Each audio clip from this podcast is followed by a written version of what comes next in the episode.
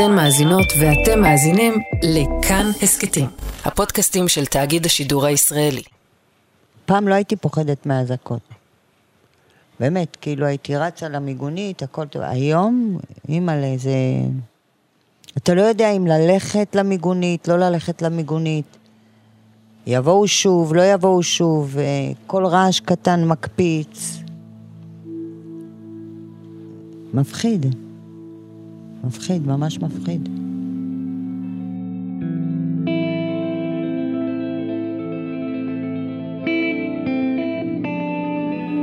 שלום, אני ניר גורלי ואתם על הסif, יומני שבעה באוקטובר.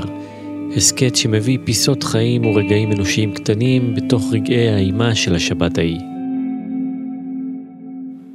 נולדתי באופקים, כל המשפחה שלי גרה באופקים. זו אריאלה אלבז, בת 54. אה, אבא זיכרונו לברכה ממרוקו, ואימא מאלג'יר. אנחנו, שנהיה בריאים, משפחה עם 11 אחים. יש לי אח שנפטר לפני שלוש שנים. היא עיר בסך הכל ממש טובה. אין אחד שלא מכיר את השני כאן. אנשים טובים, אנשים חמים, אה, אוהבים לעזור אחד לשני. אנשים טובים, אנשים רגועים. זה שרלי, האח הגדול של אריאלה. עם יחס חם בין המשפחות. אם אתה מבקש משהו, ישר מתעצבים. בלי שאפילו, בלי שהיא תבקש. קורה משהו חלילה וחס, מישהו נפטר, מישהו זה קרוב אליך, שלא קרוב אליך, אנשים רצים ותורמים ונרתמים ועוזרים אחד לשני. ממש כך, זה אופקים. שרלי פנסיונר של המשטרה, ואריאלה היא אם בית בבית ספר יסודי. 19 שנה אני עובדת בבית ספר אשלים. לעבוד עם ילדים זה הכי כיף שבעולם. אוהבים אותי מאוד שם. אה, משפחה, משפחת אשלים, בוא נגיד ככה. אריאלה נשואה לאליהו ויש לה שלושה ילדים. זוהר, בת 32, נשואה עם שתי בנות שחזרה לגור עם ההורים בחצי שנה האחרונה, ושני בנים, יהודה בן 29 ואופיר בן 24. הבנים שלי ישנים בחדר מאחורי הבית, כי הגדולה גרה אצלי, אז uh, הם ישנים שם ביחד. ובשבת בבוקר, כשנשמעה האזעקה, uh, הם באו כדי לעזור לי ללכת למיגונית. המיגונית הייתה סגורה. Uh, השכן חתך את המנעול. באזעקה השנייה הם כבר שמעו יריות ורצו חזרה הביתה. נעלתי את הדלת עם מפתח, והילדים הדליקו טלוויזיה, ואני נכנסתי לשירותים. ואז אה, אני קולטת את אחד המחבלים קופץ לגינה אצלי, אצלי כאילו מאחורה. פה יש חלון של החדר שלי. פה הייתה לי סוכה. אם לא הייתה סוכה, החלון היה פתוח לרווחה. אני פחדתי לסגור שהם לא ישמעו. אה, הסוכה ממש הצילה אותנו. לא ראו את החלונות. ואז אה, יצאתי מהר, עדכנתי את בעלי ואת הבנים, קיבינו טלוויזיה, קיבינו אורות, ונכנסנו לחדר, כאילו... שבסך הכל זה קיר גבס, זה לא ממ"ד, אין לי ממ"ד בבית. אחי השרלי גר באותה שכונה, מישור הגפן, אבל בצד השני. היא בהתחלה, אני בסוף, זה קילומטר וחצי בערך. המחבלים נכנסו דרך מושב רנן, דרך הכביש החדש. אם היו פונים שמאלה, מגיעים אליי הביתה. וכל אלה שיצאו למיגוניות שהיו בחוץ, אני מאמין שהיו הולכים. הם המשיכו ישר. באותו זמן אריאלה הייתה בחדר סגור עם בעלה ושני הבנים. בת, למזלי, למזלי, עשתה שבת אצל חמותה. ממש למזלי, כי יש לה שתי תינוקות. ילדה בת uh, שלוש וחצי וילדה בת uh, עשרה חודשים, תשעה חודשים. הבן הגדול לקח את הפלאפונים, ניתק את הצלצולים, ופתחנו את המצלמות. לאריאלה היו מצלמות אבטחה שאפשרו להם להיות כל הזמן עם עיניים על הנעשה בתוך הבית. אה, ראינו אותו, אחד שקפץ והגיע, אחרי כמה שניות הגיע עוד אחד. הוא בא, אה, נקש לי בדלת, ניסה לפתוח עם הידית, וכנראה שהוא שמע את השכנים, והוא יצא לכיוון החומה, והוא הרג אורח שבא לברית. נולדו לו נכדים, הוא מטבריה, והוא בא לברית, ומסכן רצחו אותו. ואז הם חזרו שוב לדלת, ניסו עוד הפעם, נגשו, ניסו לפתוח עם הידית, ואז השני כנראה קלט את החדר של הילד פתוח, אז הם הלכו אחורה. אחרי שלוש-ארבע דקות הגיע עוד אחד. כאילו, הוא לא בא לדלת, הוא קפץ ונכנס ישר לחדר. כאילו, הם קראו לו נראה לי.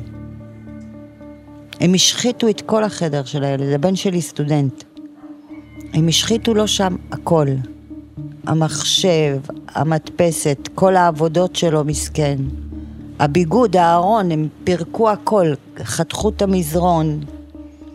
הם עשו שם ממש הרס. למזלם, המחבלים לא ניסו לפתוח דלתות בבית. לאריאלה ולבנים יש גם השערה למה. הבן שלי קלט שם פתק, אה, בן הקטן, שהיה כתוב בבית מנחם, שזה בית כנסת, 945. כאילו, אולי הם חיכו שיצאו מהבית כנסת, שהיא ממש קרוב אליי הביתה. לא פתחו דלתות, ויש בפרוזדור הזה שהם הולכים חלון רק מזכוכית, כאילו, אין אפילו תריס. הם לא ניסו, הם לא הרעישו גם, כאילו. אה, למעשה הם לא יצאו מהחדר, מאז שהם נכנסו, הם לא יצאו.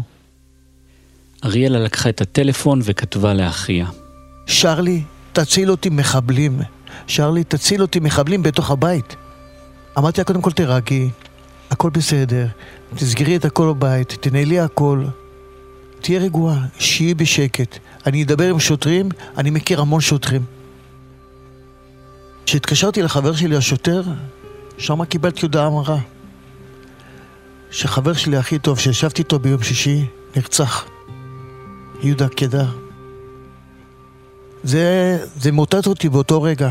אני ממש... לא האמנתי, אמרתי לו, מה אתה אומר? תגיד לי, מה, אתה רציני? הוא אומר לי, כן, יהודה נרצח. אמרתי לו, לא יכול להיות. לא יכול להיות שהוא נרצח. לא האמנתי, זה היה קשה ללמוד. אני עד היום לא מעכל.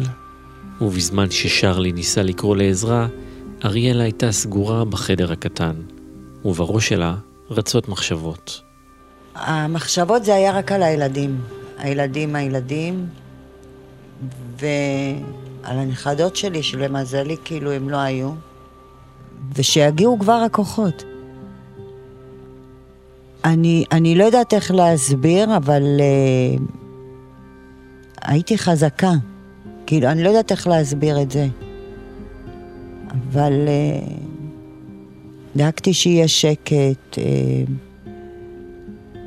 ש, אה, כאילו גם בהודעות, אה, שלחו לי נגיד הודעות קוליות, ביקשתי לא לשלוח הודעות קוליות, שאני לא יכולה לשמוע. אבל לרוב התכתבתי עם אחי הגדול, ושלחתי גם הודעה לקבוצה של המורות, מסכנות.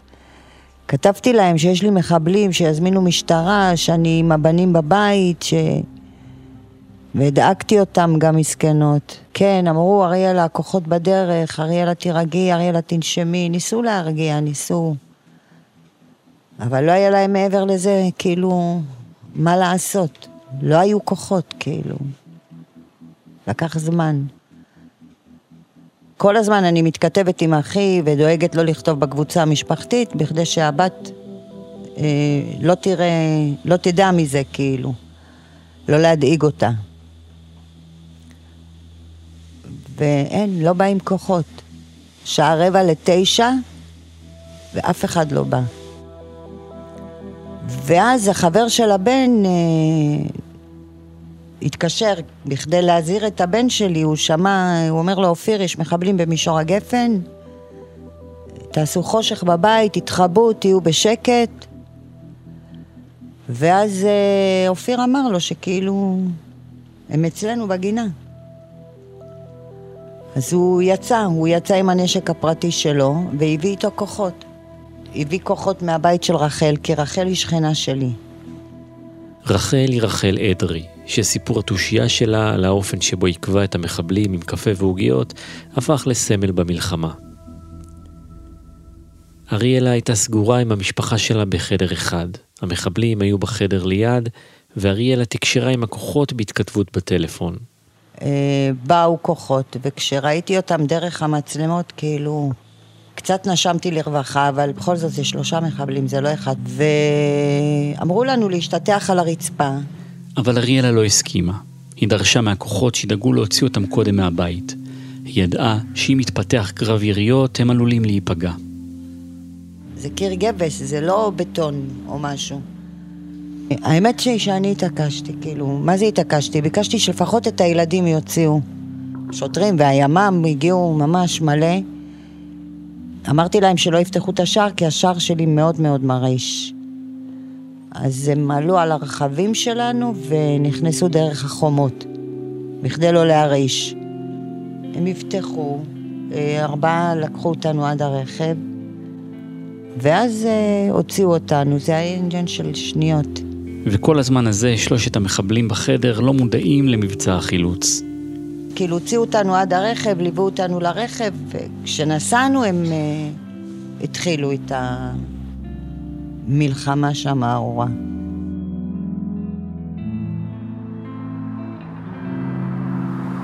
בזמן הזה אריאלה והמשפחה שלה כבר נסעו לבית של חמותה במושב ביתך הסמוך. הנסיעה לא הייתה פשוטה, כאילו מהבית לביתך. וכשהגענו למושב השערים היו סגורים, ושם גם נכנס בפחד. אה, ואז החתן שלי אמר אה, שיש הפסקת חשמל. ברגע שנכנסתי לבית של אה, החמות של הבת שלי, נרגעתי קצת, אבל להירגע לגמרי לא. לקח לי זמן. לקח לי ממש זמן. וזהו, היינו שם אצל חמותה עד יום ראשון. ויום ראשון אה, קיבלתי את ה... כאילו, התמוטטתי ביום ראשון, ממש. הם נסעו לקריית מלאכי, אחר כך לדימונה ולאילת, ואז חזרו לאופקים לבית של אימא שלה, שם נפגשנו שלושה שבועות אחרי. בינתיים, העירייה פינתה את ההריסות והמשפחה התחילה לנקות ולסדר את הבית. אבל לאריאלה עוד קשה לדבר על החזרה הביתה.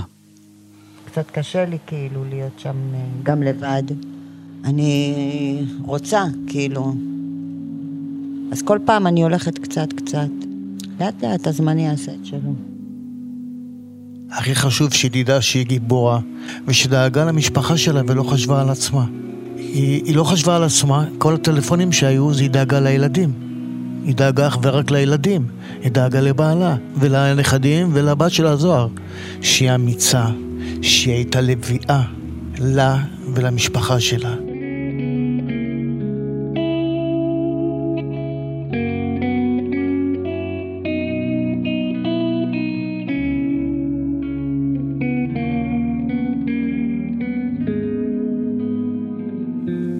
האזנתם והאזנתן לאסיף, יומני שבעה באוקטובר. ערכתי את הפרק יחד עם מאיה קוסובר, עריכת סאונד ומיקס, דניאל שמר. מפיקות ההסכת הן נועה טייב ונועה רוקני, תודה גם לנועם פלג על הסיוע בהפקה. תודה רבה ליאיר מיוחס על הצילומים. מוזיקת הנושא מבוססת על השיר אסיף, שאת מילותיו כתב איתמר פרת והלחינה נעמי שמר. תודה לדניאל שמר על הנגינה. ותודה ליהודית רביץ שהקליטה ביצוע חדש לשיר במיוחד עבור ההסכת בהפקה מוזיקלית של מור סיוון. פרקים נוספים מחכים לכם באתר וביישומון כאן. אני ניר גורלי, תודה רבה על ההאזנה. אסוף את המעשים, את המילים והאותות, כמו יבול ברכה, כבד מסד. אסוף את הפריחה שגמלה לזיכרונות של קיץ שחלף בטרם עת. אסוף את כל מראות פניה היפים כמו את הפרי ואת הבר. האדמה היא אפורה מתחת לשלפים ואין לה עוד לתת לך דבר.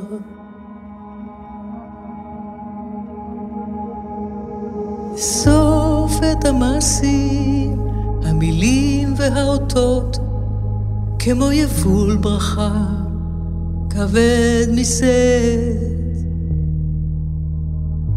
אסוף את הפריחה שגמלה לזיכרונות של קיץ שחלף בטרם עת.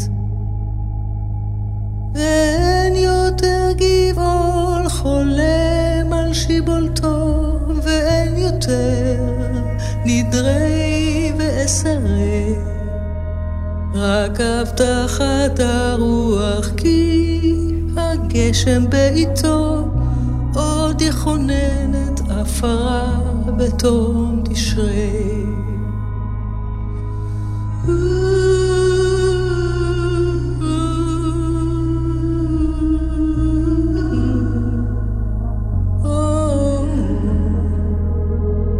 האדמה היא אפורה מתחת לשלפים